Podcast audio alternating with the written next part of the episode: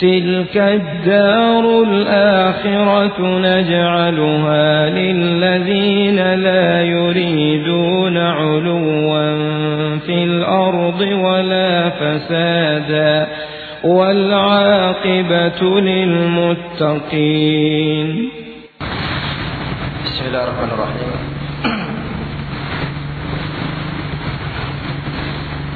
إن الحمد لله نحمده ونستعينه ونستغفره. ونعوذ بالله من شرور أنفسنا وسيئات أعمالنا.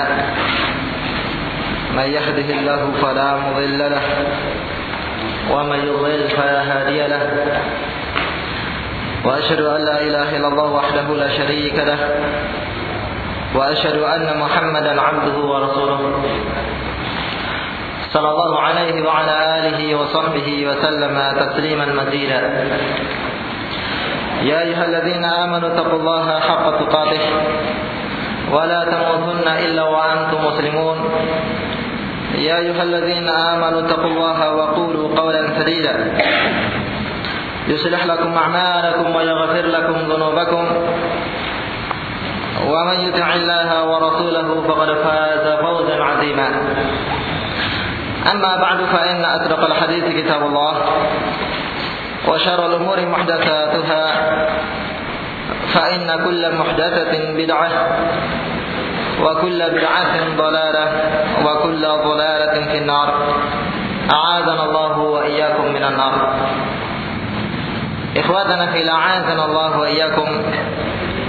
ورحمني الله وإياكم.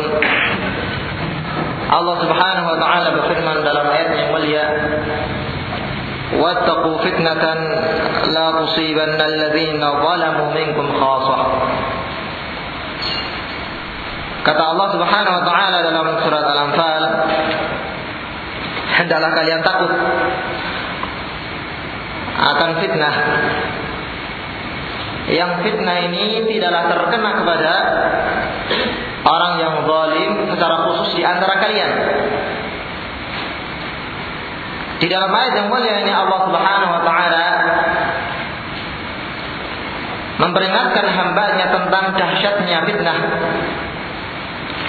Yang fitnah ini Allah Subhanahu wa taala kenakan kepada orang yang zalim juga kepada orang yang saleh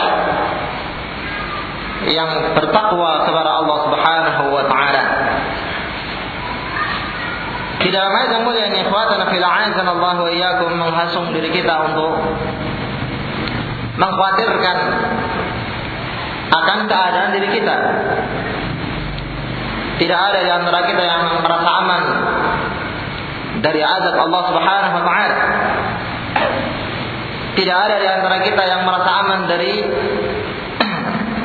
datangnya fitnah yang pasti dan pasti akan terkena kepada seorang hamba yang beriman kepada Allah Subhanahu wa taala. Sehingga ikhwatana fil sallallahu wa iyyakum senantiasa kita berlindung kepada Allah Subhanahu wa taala akan dahsyatnya fitnah. Tidak ada di antara kita yang bisa menjamin dan bahkan terkadang apabila seorang tersebut merasa aman dari fitnah sebaliknya Allah Subhanahu wa taala akan timpakan fitnah tersebut kepada dirinya dalam keadaan dirinya tidak menyadarinya terkadang ikhwatan fil Allah wa dengan sebab fitnah ini menyebabkan dua insan, dua manusia saling benci membenci antara yang satu dengan yang lainnya. Yang terkadang dengan adanya fitnah ini akan menyebabkan seorang tersebut berani meninggalkan agamanya. Dia buang keyakinan-keyakinan yang dia yakini di dalam Islam lantaran terseret dari api fitnah tersebut. Sehingga ikhwatana fil iyyakum Allah Subhanahu wa taala mengkisahkan tentang satu doa yang dipanjatkan oleh hambanya yang beriman kepada Allah Subhanahu wa taala dengan doa Rabbana la tuzigh qulubana ba'da idh hadaitana wa hab lana min ladunka rahmah innaka antal wahhab minta agar supaya kita semuanya diberi istiqamah di atas al-huda. Minta agar supaya hati kita diteguhkan di atas al-huda sampai kita bertemu dengan Allah Subhanahu wa taala. Dan ayat tersebut ayat yang kita sebutkan wattaqu fitnatan la tusibanna alladziina zalamu minkum khassah. Fitnah yang seperti ini seperti yang diterangkan oleh para mufassir akan ditimpakan oleh Allah Subhanahu wa taala apabila kasurul khabar banyak terjadi kemungkaran banyak terjadi kemaksiatan. Kita melihat di sekitar kita subhanallah demikian banyak siang malam. Bahkan setiap waktunya orang tersebut bermaksiat kepada Allah Subhanahu wa taala. Apakah bermaksiat dalam perkara-perkara meninggalkan sunnah? Ataukah bermaksiat dalam perkara-perkara menjalankan kebid'ahan pelecehan terhadap sunnah ataukah bahkan kemaksiatan kepada Allah Subhanahu wa taala. Bahkan perkara kesyirikan adalah termasuk perkara yang sudah menjamur di sekitar kita. Ini khawatana fil Allah wa dan apabila kemaksiatan yang seperti ini kemungkaran yang sudah melanda yang demikian banyaknya dalam keadaan tidak ada yang beramar ma'ruf nahi mungkar tidak ada di antara mereka yang melarang lainnya untuk kemudian bertobat atas kesalahannya. Tidak ada di antara mereka yang mencegah seorang yang zalim melakukan kezalimannya. Tidak tidak ada di antara mereka yang munasohah saling memberikan nasihat masukan kepada yang lainnya untuk kemudian menjalankan kemaksiatan tersebut maka menyebabkan ditimpakannya azab tersebut oleh Allah Subhanahu wa taala dan azab ini diratakan terkena kepada seorang yang beriman terkena kepada seorang yang bertakwa dan bahkan terkena pula kepada seorang yang soleh di samping seorang yang zalim, seorang yang fajir, seorang yang musyrik lebih dahulu Allah Subhanahu wa taala kenakan azab tersebut kepada mereka.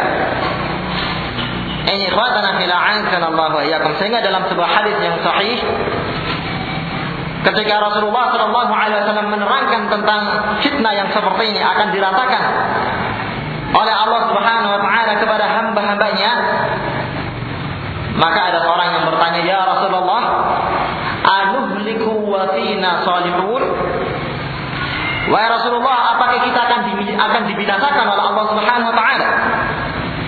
Dalam keadaan di tengah-tengah kita ada orang yang saleh yang senantiasa siang malam mungkin beribadah kepada Allah Subhanahu wa taala. Maka apa kata Rasulullah sallallahu alaihi wasallam? "Na'am. Idza kathura al-khabar." Benar. Kalau seandainya perkara kemungkaran telah menjamur, telah berkembang demikian banyaknya dalam keadaan tidak ada yang menjalankan al-amru bil ma'ruf wan nahyu 'anil munkar. Yang semana dengan ini adalah hadis Nabi alaihi salatu wasalam dalam beberapa riwayat, beberapa lafaz kata Rasulullah sallallahu alaihi wasallam la ta'murunna bil ma'ruf wa la tanhawunna 'anil munkar أو لا يوشكن الله سبحانه وتعالى أن يعمهم الله بعقاب من عنده ثم تدعونه فلا يستجاب, فلا يستجاب لكم hendaklah kalian beramal ma'ruf dan bernahi mungkar.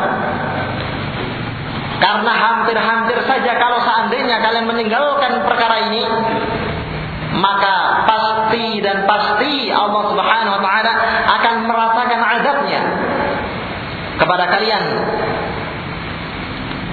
Dalam keadaan ketika kalian ditimpakan azab tersebut kemudian minta pertolongan kepada Allah Subhanahu wa taala maka kalian tidak dikabulkan doanya oleh Allah Subhanahu wa taala. Ini khawatana fil Allah wa iyyakum. Kita melihat sebab-sebab dilaknatnya Bani Israel. Melalui lisan nabi-nabi mereka adalah lantaran mereka tidak menjalankan perkara yang satu ini. Kata Allah Subhanahu wa taala dalam surat Al-Maidah, "La'ana Allahu alladhina kafaru min bani Israel ala lisan Dawud wa Isa bin Maryam ذلك بما عصوا وكانوا يعتدون كانوا لا يتناهون عن منكر فعلوه Sesungguhnya Allah Subhanahu wa taala telah melaknat orang-orang kafir dari kalangan Bani Israel. Lantaran sebab mereka adalah orang-orang yang melakukan perbuatan aniaya kepada jiwa-jiwa mereka. Melakukan perbuatan melampaui batas berani bermaksiat kepada Allah Subhanahu wa taala dalam keadaan tidak ada di tengah-tengah mereka yang menjalankan al-amru bil ma'ruf wan nahyu 'anil munkar.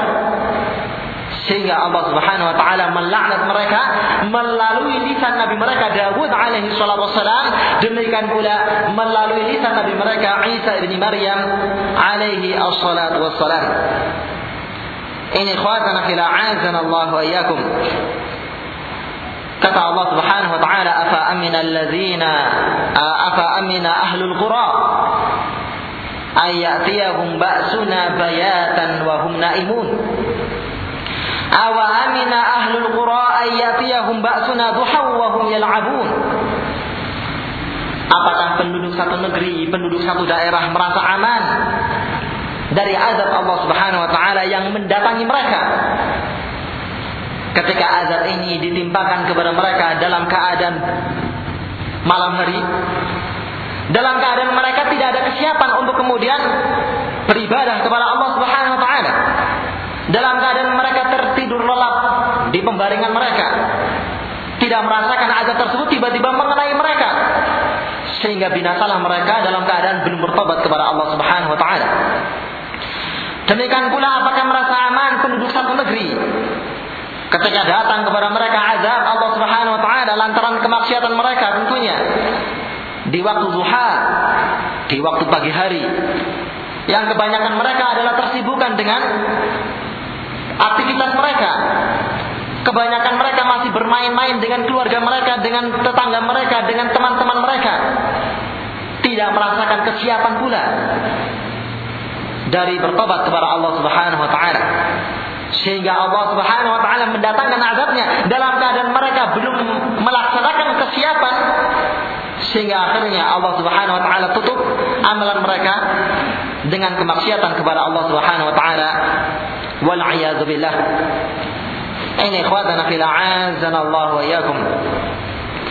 Sehingga subhanallah tidak ada di antara kita yang merasakan amal dari murka Allah Subhanahu wa taala tidak ada di antara kita yang bisa menjamin akan terselamatkan dari fitnah yang silih berganti menerpa kehidupan seorang hamba yang beriman kepada Allah Subhanahu wa taala. Dalam keadaan subhanallah kita melihat di negeri kita, di daerah kita, di kota kita secara khusus demikian banyak kemaksiatan kepada Allah Subhanahu wa taala. Fitnah-fitnah syahwat silih berganti mendatangi seorang hamba yang bertakwa kepada Allah Subhanahu wa taala. Belum lagi fitnah-fitnah asyubhat yang secara gencar pun juga menerpa kehidupan seorang hamba yang bertakwa kepada Allah Subhanahu wa taala. Ini ikhwatana fil Allah wa iyyakum. Allah Subhanahu wa taala berfirman, di dalam ayatnya yang mulia ketika memerintahkan nabinya Muhammad sallallahu alaihi wasallam qul hadhihi sabili ad'u ila Allah. Apakah dalam lafaz yang lainnya Allah Subhanahu wa taala berfirman wa anna hadza sirati mustaqiman fattabi'uhu wa la tattabi'us subula fatafarraqa bikum an sabilih Sesungguhnya ini adalah jalanku yang lurus Ayat ini dibaca oleh Rasul alaihi salatu ketika Rasulullah wasallam menggaris-garis yang lurus. Tidak bengkok. Kemudian Rasulullah wasallam menyebutkan bahwasanya ini adalah jalanku yang lurus. Yang seorang hamba tentunya diperintahkan untuk meniti jalan tersebut. Kemudian Rasulullah Wasallam menggaris di samping kanan dan di samping di samping kiri garis tersebut garis-garis yang lainnya. Kemudian Rasulullah Shallallahu Alaihi Wasallam mengatakan wa wahadihi subul, laisa alaiha sabilun atau laisa minha sabilun illa wa alaiha syaitanun yad'u ilaiha. Ini adalah jalan-jalan yang lainnya yang berusaha untuk kemudian menghalangi seorang hamba dari jalan lurus yang telah digariskan oleh Rasul sallallahu alaihi wasallam. Apakah garis itu? Berbentuk syahwat, keinginan untuk bermaksiat kepada Allah Subhanahu wa taala, mendahulukan hawa nafsunya dibandingkan al-huda, dibandingkan al-ilmu, ataukah fitnah-fitnah asyubhat, fitnah-fitnah di dalam kerancuan memahami agamanya, menyangka al-haq sebagai batil, menyangka sunnah sebagai bid'ah dan sebaliknya. Dan sesungguhnya tidak ada satu jalan pun dari jalan-jalan yang menyimpang tersebut melainkan di atasnya ada syaitan yang mereka menyeru untuk kemudian seorang hamba yang bertakwa tersebut meniti jalan mereka tersebut. Ini ikhwatana ikhwatana fil Allah wa yakum dan diterangkan oleh al-Imam Mujahid bin Jabr rahimahullahu taala kata beliau yang dimaksud dengan as-subul di dalam ayat ini adalah al-bid'atu wasyubuhat kebid'ahan dan syubhat dan asyahwat. Syahwat gelora jiwa gelora hawa nafsu manusia untuk kemudian bermaksiat kepada Allah Subhanahu wa taala. Yang berbentuk keinginan untuk melakukan perbuatan zina. Dan yang semisalnya wal billah ini ikhwatana fil Allah wa iyyakum. Sehingga Rasulullah alaihi salatu wasalam dalam beberapa hadisnya berdoa kepada Allah Subhanahu wa taala minta diselamatkan dari fitnah. Dan bahkan dalam hadis yang sahih Rasulullah sallallahu alaihi wasallam secara khusus memerintahkan umatnya, "Idza tashahhada ahadukum falyasta'iz billahi min arba'." Kalau seandainya kalian bertasyahud dalam tasyahud akhir, maka adalah kalian berlindung kepada Allah Subhanahu wa taala akan empat fitnah. Fitnah kehidupan, fitnah al-masih dajjal dan fitnah-fitnah yang diterangkan dalam hadis tersebut. Ini ikhwatana fil a'azana Allah wa iyyakum. Kita melanjutkan kajian kita dari membahas kitab At-Tawadhu wa manzilatuhu minadin. Bismillahirrahmanirrahim kita masuk ke pada pembahasan kitab tersebut. Qala Allah Subhanahu wa taala berfirman Allah Subhanahu wa taala Tilka ad-darul akhiratu naj'aluha lil la yuriduna 'uluwan fil ardi wal aqibatu lil muttaqin. Itu adalah negeri akhirat. Yang dimaksud adalah al jannah kami telah menjadikan negeri ini terkhusus bagi mereka orang-orang yang tidak menginginkan ketinggian di dunia. Dan tidak pula menginginkan kerusakan di dunia dan sesungguhnya akibat yang baik adalah bagi mereka yang bertakwa kepada Allah Subhanahu wa taala. Ayat yang mulia ini ikhwatana fil Allah wa yakum di antara sekian ayat yang berisikan Allah Subhanahu wa taala menganjurkan hambanya untuk bersifat at-tawadhu merendah diri di hadapan yang lainnya tidak menyombongkan dirinya di atas yang lainnya. Karena bisa jadi Allah wa ketika seorang hamba menyombongkan dirinya di hadapan yang lainnya bisa jadi orang yang dia lecehkan tersebut adalah yang lebih afdol dibandingkan dirinya. Karena sesungguhnya tingkat keafdolan seorang hamba adalah dengan ketakwaan yang ada di dalam hatinya. Kata Allah Subhanahu wa taala, "Inna akramakum 'indallahi ataqakum." Sesungguhnya orang yang paling mulia di antara kalian di sisi Allah Subhanahu wa taala yang paling bertakwa kepada Allah Subhanahu wa taala. Dalam keadaan tidak ada di antara kita yang bisa menjamin bahwasanya diri kita bersih ataukah bahwasanya diri kita adalah orang yang paling afdal, paling bertakwa atas yang lainnya. Tidak ada ikhwatana fil Allah wa iyyakum. Fala tuzakku anfusakum huwa a'lamu biman ittaqa. Janganlah kalian membersihkan diri-diri kalian menyatakan bahwa kalian adalah seorang yang bertakwa, seorang yang paling bersih, seorang yang terbebaskan dari kemaksiatan karena sesungguhnya Allah Subhanahu wa taala lebih faham, lebih mengenal, lebih mengerti siapa di antara hambanya yang bertakwa kepada dirinya. Dalam hadis yang sahih dikeluarkan oleh Imam Al-Bukhari dan Muslim ketika ada salah seorang dalam keadaan Rasulullah Shallallahu Alaihi Wasallam bermajlis bersama sahabat yang lainnya. Kemudian di majelis tersebut tiba-tiba ada seorang yang lewat di hadapan mereka. Maka Rasulullah Shallallahu Alaihi Wasallam ingin memberikan ibrah pelajaran kepada para sahabatnya. Kata Rasulullah Shallallahu Alaihi Wasallam, apa pandangan kalian tentang keadaan orang yang lewat tersebut? Tanya Rasul Shallallahu Alaihi Wasallam kepada salah seorang yang ada di sampingnya. Maka kata sahabat ini dengan polosnya menyatakan, Ya Rasulullah, Hada min fuqa min fuqara'il muslimin. Wahai Rasulullah, sesungguhnya orang ini yang lewat di hadapan kita adalah orang miskinnya di antara kaum muslimin.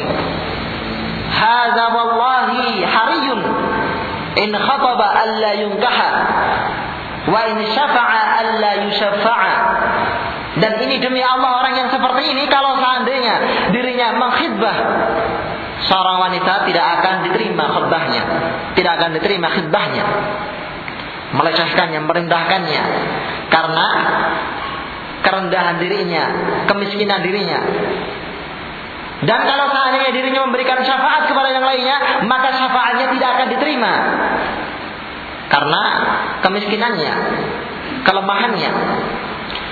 Maka Rasulullah Shallallahu Alaihi diam dan tidak memberikan komentar. Dan subhanallah tiba-tiba Allah Subhanahu Wa Taala memunculkan laki-laki yang lainnya, yang pun juga lewat di hadapan mereka. Ketika laki-laki ini lewat, maka Rasulullah Wasallam kembali bertanya kepada sahabatnya, terus bagaimana pandangan kalian tentang orang ini? Maka dirinya menyatakan, ya Rasulullah, haza. Sesungguhnya laki-laki ini adalah termasuk dari kalangan pembesarnya kaum muslimin. Min ashrafin nas. Orang yang paling mulianya di antara kita. Yang kalau seandainya dirinya berbicara pasti akan didengarkan ucapannya. Yang kalau seandainya dirinya mengkhidbah seorang wanita pasti akan diterima lamarannya. Yang kalau seandainya dirinya memberikan syafaat pasti akan diterima pula syafaatnya. Maka kata Rasulullah sallallahu alaihi wasallam, "Hadza wallahi khairun." Maksudnya kepada orang yang sebelumnya min mil'il ardi min mithli hadza. Sesungguhnya orang yang sebelumnya dari kalangan orang lemah yang kalian anggap tersebut adalah lebih baik di sisi Allah Subhanahu wa taala, lebih afdal di sisi Allah Subhanahu wa taala dibandingkan dunia seisinya, dibandingkan orang tersebut. Lantaran ketakwaannya, lantaran apa yang ada di dalam hatinya berupa keimanan yang demikian tinggi dan ketakwaan yang demikian besar kepada Allah Subhanahu wa taala sehingga dirinya dimuliakan oleh Allah Subhanahu wa taala beberapa derajat dengan derajat yang tinggi yang hanya Allah Subhanahu wa taala mengetahuinya. Ini kuatana fil Allah wa iyyakum. Sehingga dalam beberapa ayat yang lainnya Allah Subhanahu wa taala ketika mengisahkan tentang keadaan hamba-hambanya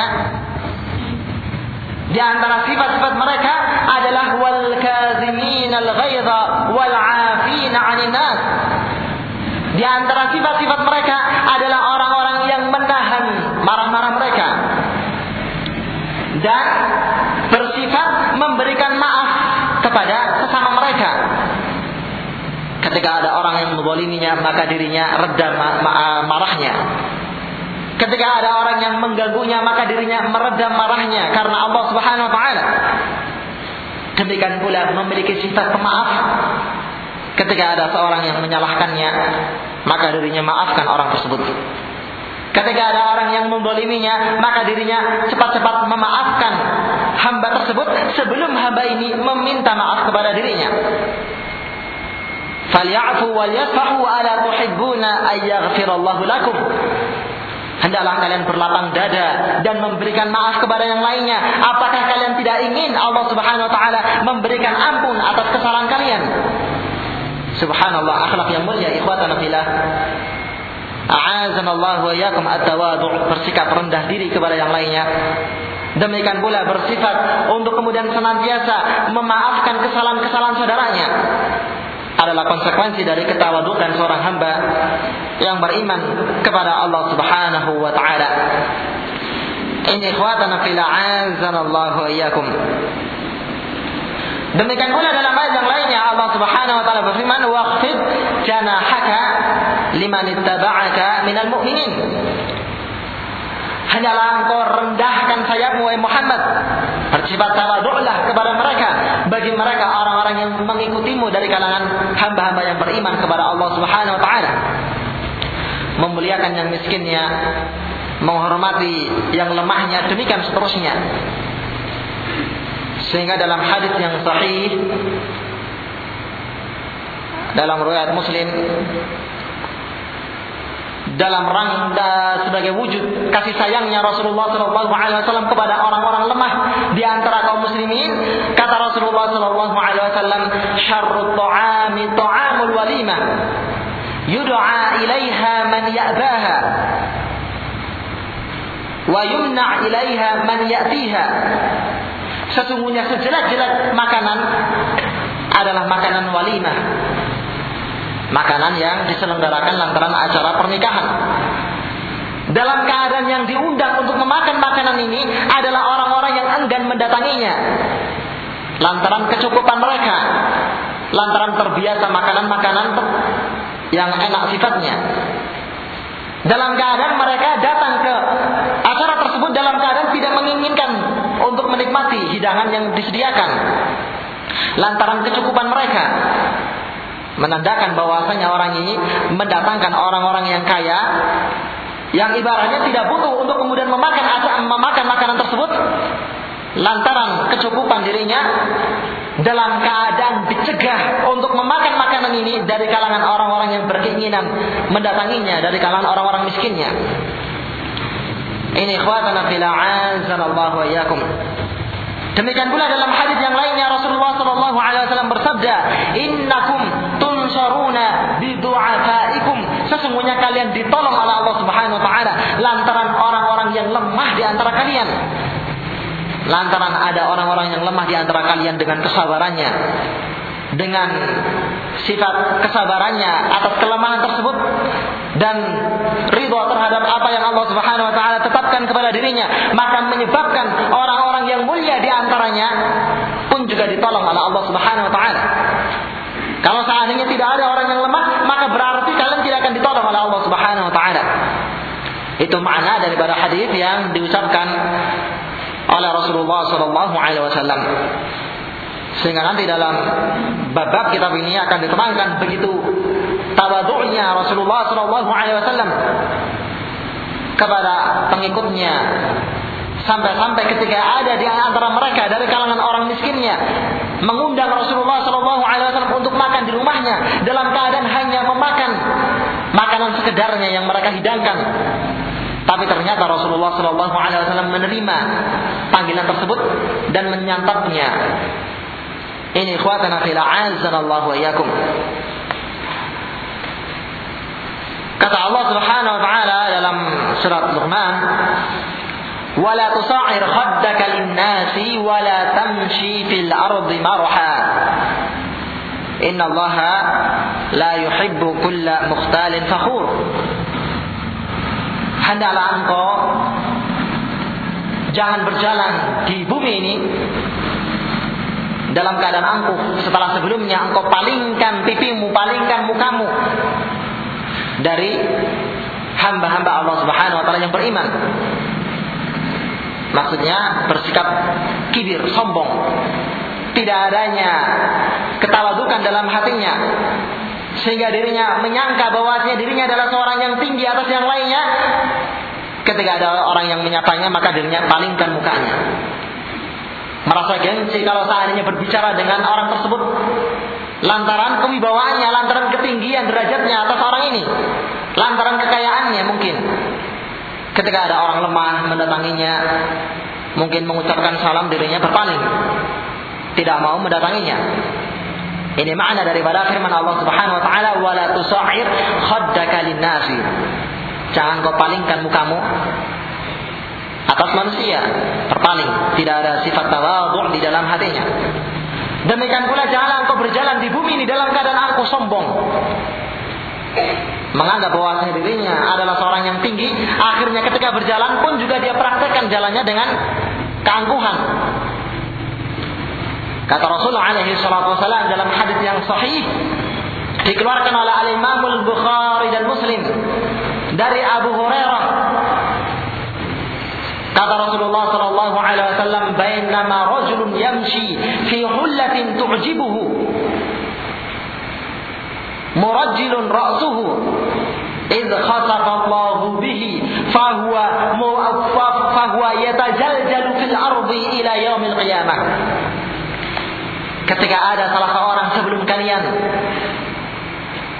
berjalan dengan angkuhnya di bumi ini dengan mengenakan, dengan mengenakan pakaian sutra yang dirinya merasa kagum dengan pakaian tersebut dalam keadaan disisir rambutnya dia dia jalan dengan angkuhnya dia jalan dengan sombongnya. Tidak adanya sifat tawadhu di dalam hatinya. Maka tiba-tiba saja Allah Subhanahu wa taala wahyukan perintahkan kepada bumi untuk kemudian menenggelamkan orang ini. Dikoncangkan dan dimasukkan dirinya ke dalam bumi dan dirinya senantiasa terbolak-balik dan senantiasa terguling-guling di bumi ini sampai yaumul qiyamah. Lantaran kesombongannya, lantaran keangkuhannya, bersikap ujub, bersikap takjub terhadap jiwanya dan menganggap bahwasanya orang yang berada di sekitarnya adalah seorang yang lemah, seorang yang lebih di bawah derajatnya dibandingkan dirinya. Ini ikhwatana fil Allah wa iyyakum. Sehingga beliau hafizahullah taala menyatakan dalam kitab ini, ja'alallahu taala ajar al-akhirata fi hadhihi al-ayah liman la yuridu 'uluwan fil ardi. Sesungguhnya Allah Subhanahu wa taala telah menjadikan negeri akhirat di dalam ayat ini hanya diberikan oleh seorang yang tidak menginginkan ketinggian di dunia. Min duhurin wa syuhratin wa riyain dari az-zuhur sama dengan kemasyhuran. Zuhur dan syuhur sama. Menginginkan kemasyhuran di dalam dirinya. Menginginkan agar supaya dirinya terkenal di mana-mana. Menginginkan agar supaya orang itu mengenal siapa dirinya. Menginginkan agar supaya keutamaannya senantiasa disebut oleh mereka. Sehingga kapan dirinya mendatangi satu tempat maka orang langsung melihat ke arahnya dan mengatakan oh adalah orang yang demikian dan demikian. Ini orang-orang yang menginginkan kemasyhuran menginginkan agar supaya dirinya dikenal oleh yang lainnya ada pun seorang yang bertakwa, seorang yang bersifat tawadhu tidak demikian ikhwatan fillah. A'azanallahu wa yakum dan bahkan mereka adalah orang-orang yang sangat mengkhawatirkan dari kemasyhuran tersebut. Sangat mengkhawatirkannya. Seorang salaf dikisahkan ketika ada seorang menyatakan bahwasanya di Masjid Jami' masjid yang uh, apa namanya besar dan terkenal di satu negeri yang ada di daerahnya ternyata orang-orangnya ataukah jamaahnya mengenal dirinya. Dalam artian namanya sudah disebut di masjid tersebut. Disebutkan oh si fulan seperti ini si fulan seperti ini. Maksudnya sudah terkenal namanya dan masuk ke masjid ini maka ketika sang salaf ini mendengarkan namanya disebut di masjid ini, maka dirinya menangis dan mengatakan dan mengatakan sesungguhnya namaku disebut di masjid ini. Aku mengkhawatirkan atas diriku. Ini khawatana fila azanallahu wa. Dan subhanallah kalau seandainya seorang tersebut sudah terkenal sangat riskan dan rawan untuk kemudian dirinya akan terjangkit di satu penyakit yang akan merusak amalannya. Penyakit ujub, penyakit bangga terhadap dirinya. penyakit merasa bahwasanya amalan-amalan ketaatan dirinya adalah amalan-amalan yang abdul berarti diterima oleh Allah Subhanahu wa taala. Menganggap bahwasanya dirinya itu lebih tinggi dibandingkan yang lainnya. Ini penyakit ikhwatana fil azanallahu wa yakum yang menyebabkan amalan saleh seorang hamba tidak diangkat oleh Allah Subhanahu wa taala. Karena seperti yang diterangkan dalam ayat bahwasanya amalan-amalan saleh, zikir dan yang semisalnya akan diangkat kepada Allah Subhanahu wa taala. Sehingga Sufyan Ats-Tsauri rahimahullah taala memberikan nasihat kepada muridnya, "Iyyaka wa ya akhi ar-riya'a fil qawli wal 'amal iyyaka wal 'ujub fa innal 'amala salih la yurfa' wa fihi 'ujubun." Hati-hatilah engkau saudaraku tentang ar-riya. Apakah di dalam berucap ataukah di dalam beramal? Karena sesungguhnya itu adalah kesyirikan secara zatnya. Dan hati-hatilah engkau tentang penyakit ujub. Karena sesungguhnya ujub akan menyebabkan amalan soleh tidak diangkat, tidak diterima oleh Allah Subhanahu wa taala. Ini ikhwatana fil azanallahu iyyakum. Asy-Syaikh Al-Albani rahimahullahu taala dalam ceramahnya biasa kan kalau sebelum ceramah biasanya ada orang yang mengawali ceramah tersebut. Apa istilahnya? Moderator, ya. Menyebutkan telah datang syekh ini dan disebutkan keutamaan-keutamanya alim dan yang semisalnya. Maka ketika orang ini pun duduk di majelis ini dan mulai menyanjung Syekh Al-Albani rahimahullah taala dan menyebutkan keutamanya dan menyebutkan keilmuannya di bidang hadis dan yang semisalnya. Nah, ketika orang ini turun dari majelisnya ketika Syekh Al-Albani rahimahullah taala naik ke majelis tersebut subhanallah berlinang air matanya. Dan menangis subhanallah. Dan menyebutkan sesungguhnya Abu Bakar As-Siddiq radhiyallahu taala anhu ketika ada salah seorang memuji dirinya maka dirinya mengatakan dan berdoa kepada Allah Subhanahu wa taala Allahumma la tu'akhidhni bima yaqulun waghfirni fima la ya'lamun Wahai Allah Subhanahu wa taala janganlah engkau azab diriku atas apa yang mereka ucapkan menyebabkan ujub menyebabkan bangga ketika seorang mendengarkan dirinya dipuji oleh yang lainnya itu adalah azab yang Allah Subhanahu wa taala berikan kepada dirinya. Dengan ujub akhirnya seorang hamba melakukan perbuatan melampaui batas dan menganggap dirinya lebih tinggi di atas yang lainnya. Adalah azab dari sisi Allah Subhanahu wa taala yang nantinya Allah Subhanahu wa taala berikan kepada hamba ini. Dan ampunilah aku ya Allah Subhanahu wa taala atas kesalahan-kesalahan yang aku lakukan dalam keadaan mereka tidak mengetahuinya. Ini khalifatul awal. Khalifah pertama pengganti Rasul alaihi salatu wasalam. As-Siddiq hadhil ummah. Orang yang digelari dengan Siddiq dari kalangan umat ini.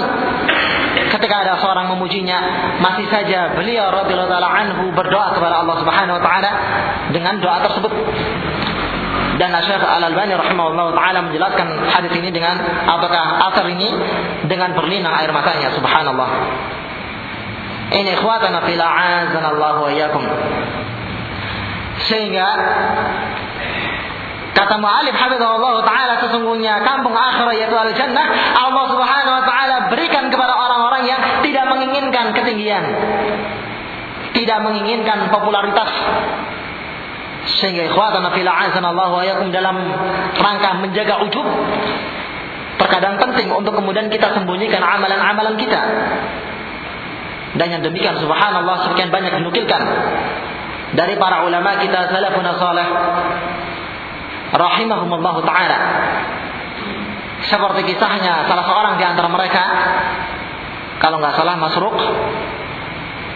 Rahimahullah taala beliau adalah seorang yang dikenal. Sering mengerjakan qiyamul lail. Nah satu ketika ketika beliau mengerjakan qiyamul lail dari Isya sampai terbit fajar dalam rangka menjaga dirinya jangan sampai orang melihatnya sehingga akhirnya dirinya terkena penyakit ujub ria dan yang semisalnya maka masruk ketika Datang waktu fajar, maka dirinya berbaring, kemudian menguap, ataukah bertingkah seperti hanya tingkah orang yang baru bangun pada jam tersebut. Sehingga orang yang berada di sekitarnya menyangka bahwasanya dirinya adalah orang yang tidak menjalankan qiyamul lain. Menyangka bahwasanya dirinya adalah orang yang terlelap di malam tersebut dalam rangka menjaga api fitnah.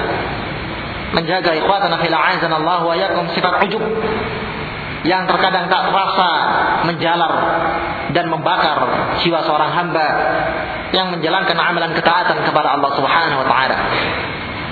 Sehingga para ulama tidak menyukai kalau seandainya ada seorang yang menampakkan rasa tangisnya di hadapan yang lainnya.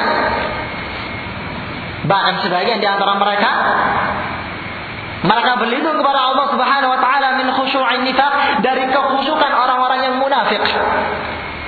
Ketika bersama yang lainnya bisa meneteskan air matanya, bisa khusyuk. Tapi ketika dalam keadaan sendirian, dirinya sombong, angkuh.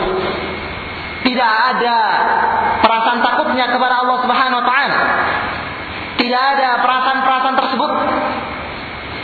Mungkin ketika dirinya berada bersama teman-temannya, dirinya bisa meneteskan air matanya. Tapi ketika dalam keadaan sendirian, dirinya tidak bisa meneteskannya. Ini menunjukkan bahwasanya syaitan telah mengubah hatinya dan syaitan berusaha untuk kemudian menjermuskan dirinya dilihat oleh yang lainnya sebagai seorang yang khusyuk, sebagai seorang yang mudah menangis, takut kepada Allah Subhanahu wa taala, tapi ternyata di balik itu subhanallah dirinya adalah seorang yang memiliki hati yang kaku. Tidak mudah tergetar hatinya.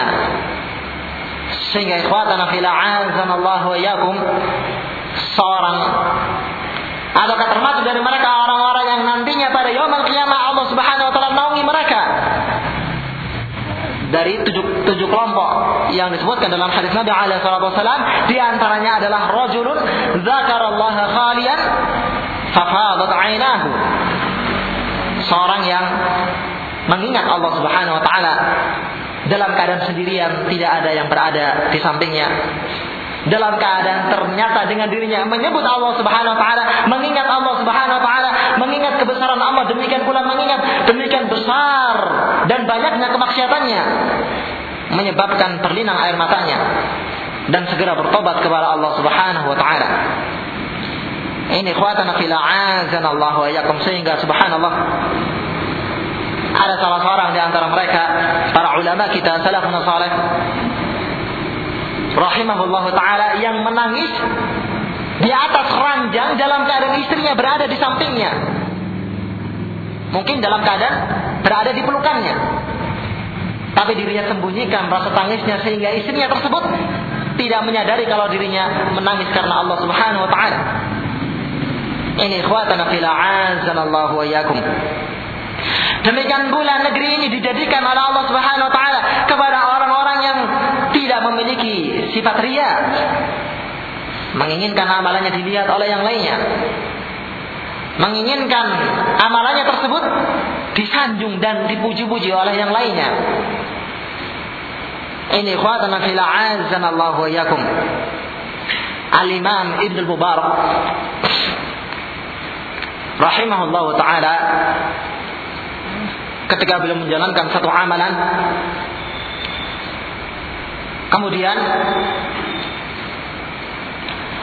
ada orang lain melihat apa yang diamalkan oleh al-imam tersebut rahimahullah taala maka dalam rangka menutup pintu ini beliau mengatakan kepada orang ini jangan kau kabarkan amalanku ini kepada yang lainnya kecuali kalau seandainya aku telah meninggal dunia karena khawatir ikhwatana fil Allah wa akan sifat ujub, sifat ria, sum'ah. Mungkin terkadang seorang merasa aman dari sifat ini. Wah, nggak apa-apa. Amalanku ini diketahui oleh yang lainnya. Tapi subhanallah kalau seandainya ternyata orang-orang semakin banyak mengenal dirinya dan bahkan memuji-muji dirinya sangat mudah bagi syaitan untuk kemudian membalikan hati hamba ini yang semula dirinya adalah seorang yang ikhlas kemudian ternyata di belakang hari sebagai seorang yang murai menjalankan amalan lantaran ria ingin dilihat oleh yang lainnya Ini ikhwatana fil azanallahu wa berbeda halnya dengan keadaan seorang yang berusaha untuk kemudian dia tutupi amalannya. Dia berusaha bersikap tawaduk kepada yang lainnya sebisa mungkin. Kemudian dirinya meninggalkan perkara-perkara yang menghantarkan dirinya dari sifat kesombongan, sifat ujub dan yang lainnya. Ternyata Allah Subhanahu wa taala jadikan orang lain mengetahui kebaikannya sehingga disanjung, dipuji dan yang semisalnya dalam keadaan dirinya tidak mengin, tidak tidak menginginkan perkara tersebut. Maka yang seperti ini ikhwatana fil azanallahu wa yakum tidak masalah. Dan bahkan Rasulullah SAW dalam hadis yang dikeluarkan oleh Al Imam Muslim rahimahullah taala dari dalam riwayat dari Abu Dhar Ketika ada salah seorang mendatangi Rasulullah SAW dan menyatakan, Ya Rasulullah, Ara'aita ar-rajula ya'malu al-amala min al-khairi, fayahmadun nasu alaihi. Wahai Rasulullah, bagaimana pandanganmu tentang keadaan seorang yang menjalankan amalan-amalan soleh? Kemudian ternyata manusia memujinya. Maka Rasulullah Shallallahu Alaihi Wasallam bersabda, Itu adalah kabar gembira yang disegerakan oleh Allah Subhanahu wa taala bagi seorang hamba yang beriman kepada Allah Subhanahu wa taala. Kisahnya Abu Bakar Siddiq disanjung-sanjung, dipuji amalannya sampai hari ini. Umar bin Khattab, para ulama-ulama yang lainnya disanjung, dipuji.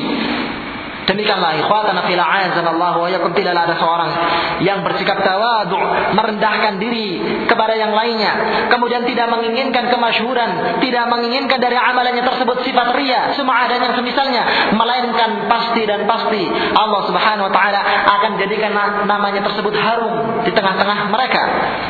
Demikian pula Allah Subhanahu wa taala akan berikan kabar gembira kepada dirinya berupa pujian pujian manusia dan sanjungan-sanjungan mereka atas dirinya.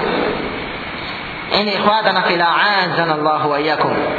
Wa hadza min dalalatit tawadu' dan yang seperti ini tidak menginginkan syuhrah, kemasyhuran, tidak menginginkan ria adalah termasuk dari konsekuensi at-tawadu. Seorang yang tawadu pasti tidak demikian sifatnya. Waliman la yabtaghil fasada wa takhriba ayda. Demikian pula termasuk konsekuensi dari orang-orang yang tidak menginginkan kerusakan keonaran. Adalah seperti ini sifatnya. Sehingga ayat ini kalau demikian halnya seperti yang diterangkan oleh mu'alif hafizahullah taala adalah ditujukan oleh Allah Subhanahu wa taala kepada hambanya yang bersikap tawadu. Sekaligus Allah Subhanahu wa taala menghasung hamba-hambanya untuk bersifat dengan sifat tersebut karena sesungguhnya surga diberikan oleh Allah Subhanahu wa taala kepada mereka. Ini ikhwatana fil a'azanallahu wa iyyakum.